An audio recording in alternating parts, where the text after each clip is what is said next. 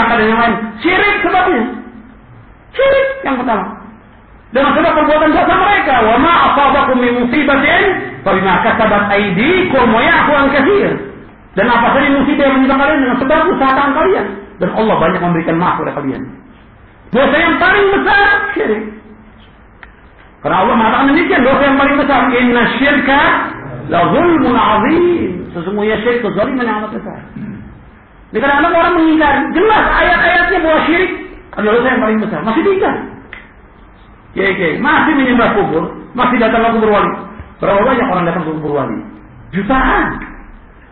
Di Indonesia jutaan. Tiap tiap bulan atau tiap tahun bertambah kuburan yang disembah bukannya berkurang tambah maka malam petaka pun tambah kalau tambah kesyirikan dan orang diam dari kesyirikan hal yang biasa dianggap dia sudah biasa nggak boleh dan Nabi Shallallahu Alaihi Wasallam itu tidak reda kalau masih ada kuburan yang disembah di muka bumi ini maka setelah satu Mekah setelah satu Mekah Nabi bilang kamu bersihkan ini Khalid bin Walid disuruh sahabat yang lain disuruh radhiyallahu anhu suruh hancurkan setelah Fatu Mekah sudah dikuasai semua Jaziratul Arab oleh Rasulullah SAW. Menang sudah. Dan punya kekuatan, punya kekuasaan, maka menghancurkan semuanya.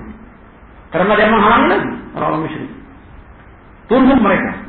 Dihancurkan semua patung-patung yang disembah. Semua kuburan tinggikan dihancurkan semuanya. Itu kalau sudah punya kekuatan. Dan ini kewajiban Allah amri. Kewajiban Allah untuk mengingatkan yang seperti ini. Enggak boleh dia. Dan harus terus karena dakwah tauhid merupakan dakwatul anbiya wa rusul. Dan dakwah salam intinya dakwah tauhid. Itu terus kita dakwakan kepada umat ini. Sebab azamullah. Kita tidak akan mendapatkan ketenangan dalam ibadah kita kepada Allah kalau kita tidak tauhid.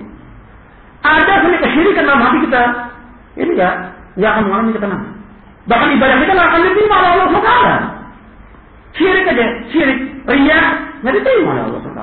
Syirkun asghar.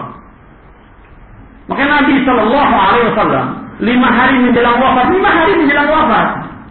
Nabi mengatakan kepada para sahabat, La'anallahu al-yahuda wal nasara ittakhadhu qubur anbiya'ihim masajid. Mudah Allah melaknat Yahudi dan Nasrani mereka menjadikan kubur nabi mereka sebagai tempat ibadah. Dan Nabi berdoa, Allahumma la taj'al qabri wasanan yu'ban. Ya Allah, jangan kau jadikan kuburan itu sebagai berhala yang disembah. Nabi berdoa kepada Allah. Lima hari menjelang wafat. Karena masalah itu besar. Dan kenyataan, di tengah-tengah kaum muslimin masih banyak orang menyembah kubur. Ini syirik. Tapi banyak orang tidak paham syirik itu bahwa itu perbuatan syirik. Dianggap oleh mereka ini kan tawasul kepada orang soleh. Kita nggak mungkin sampai kepada Allah lah tawasul kepada mereka. Hatta kepada Nabi pun nggak sampai. Hatta tawasul kepada Nabi nggak akan sampai. Apalagi tawasul orang orang-orang di bawah Nabi. Nggak akan sampai. Nabi sudah meninggal dunia datang ke kubur Nabi ya Rasulullah Udah kalau sampai nggak boleh, syirkun akbar. Meminta kepada Nabi, syirkun akbar.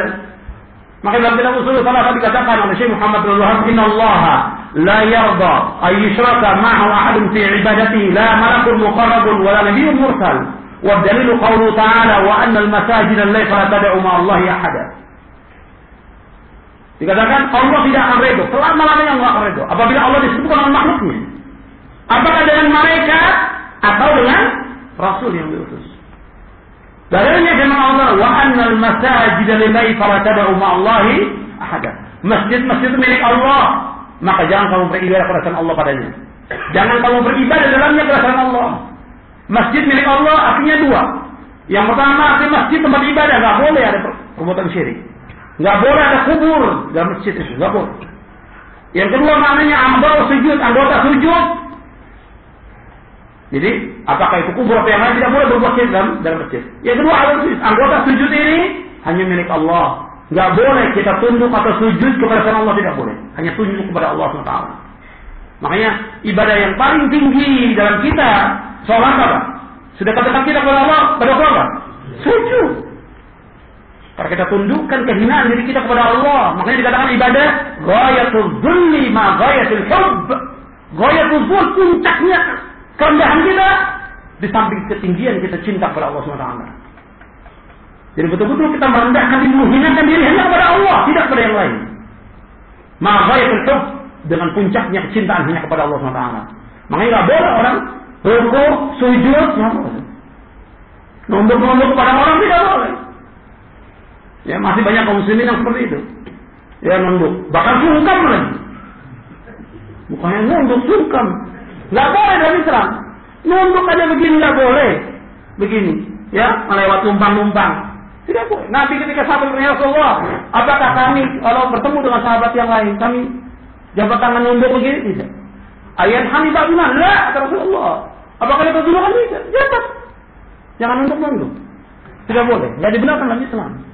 Nah, ketika ada seorang sahabat yang datang dari Syam, dia sujud, dilarang Rasulullah. Kalau seandainya boleh, aku menyuruh manusia sujud, aku akan suruh seorang wanita sujud kepada suaminya. Karena besarnya hak suami. Tapi tidak boleh. Nabi larang. Yang sejelas Nabi Muhammad SAW Sayyidul Anbiya wal Mursalin. Sayyidul Khalq Ajmain Rasulullah. Nggak boleh sujud kepada Nabi. Apalagi pada yang lain. Mungkin nggak boleh kita untuk tunduk dan sujud melainkan hanya kepada Allah saja. Tidak boleh yang lain. Ini tauhid. Jadi Islam mengajak umat bertauhid. Semua bentuk kesyirikan harus dihilangkan. Dari hati kita, dari diri kita, keluarga kita, syirik harus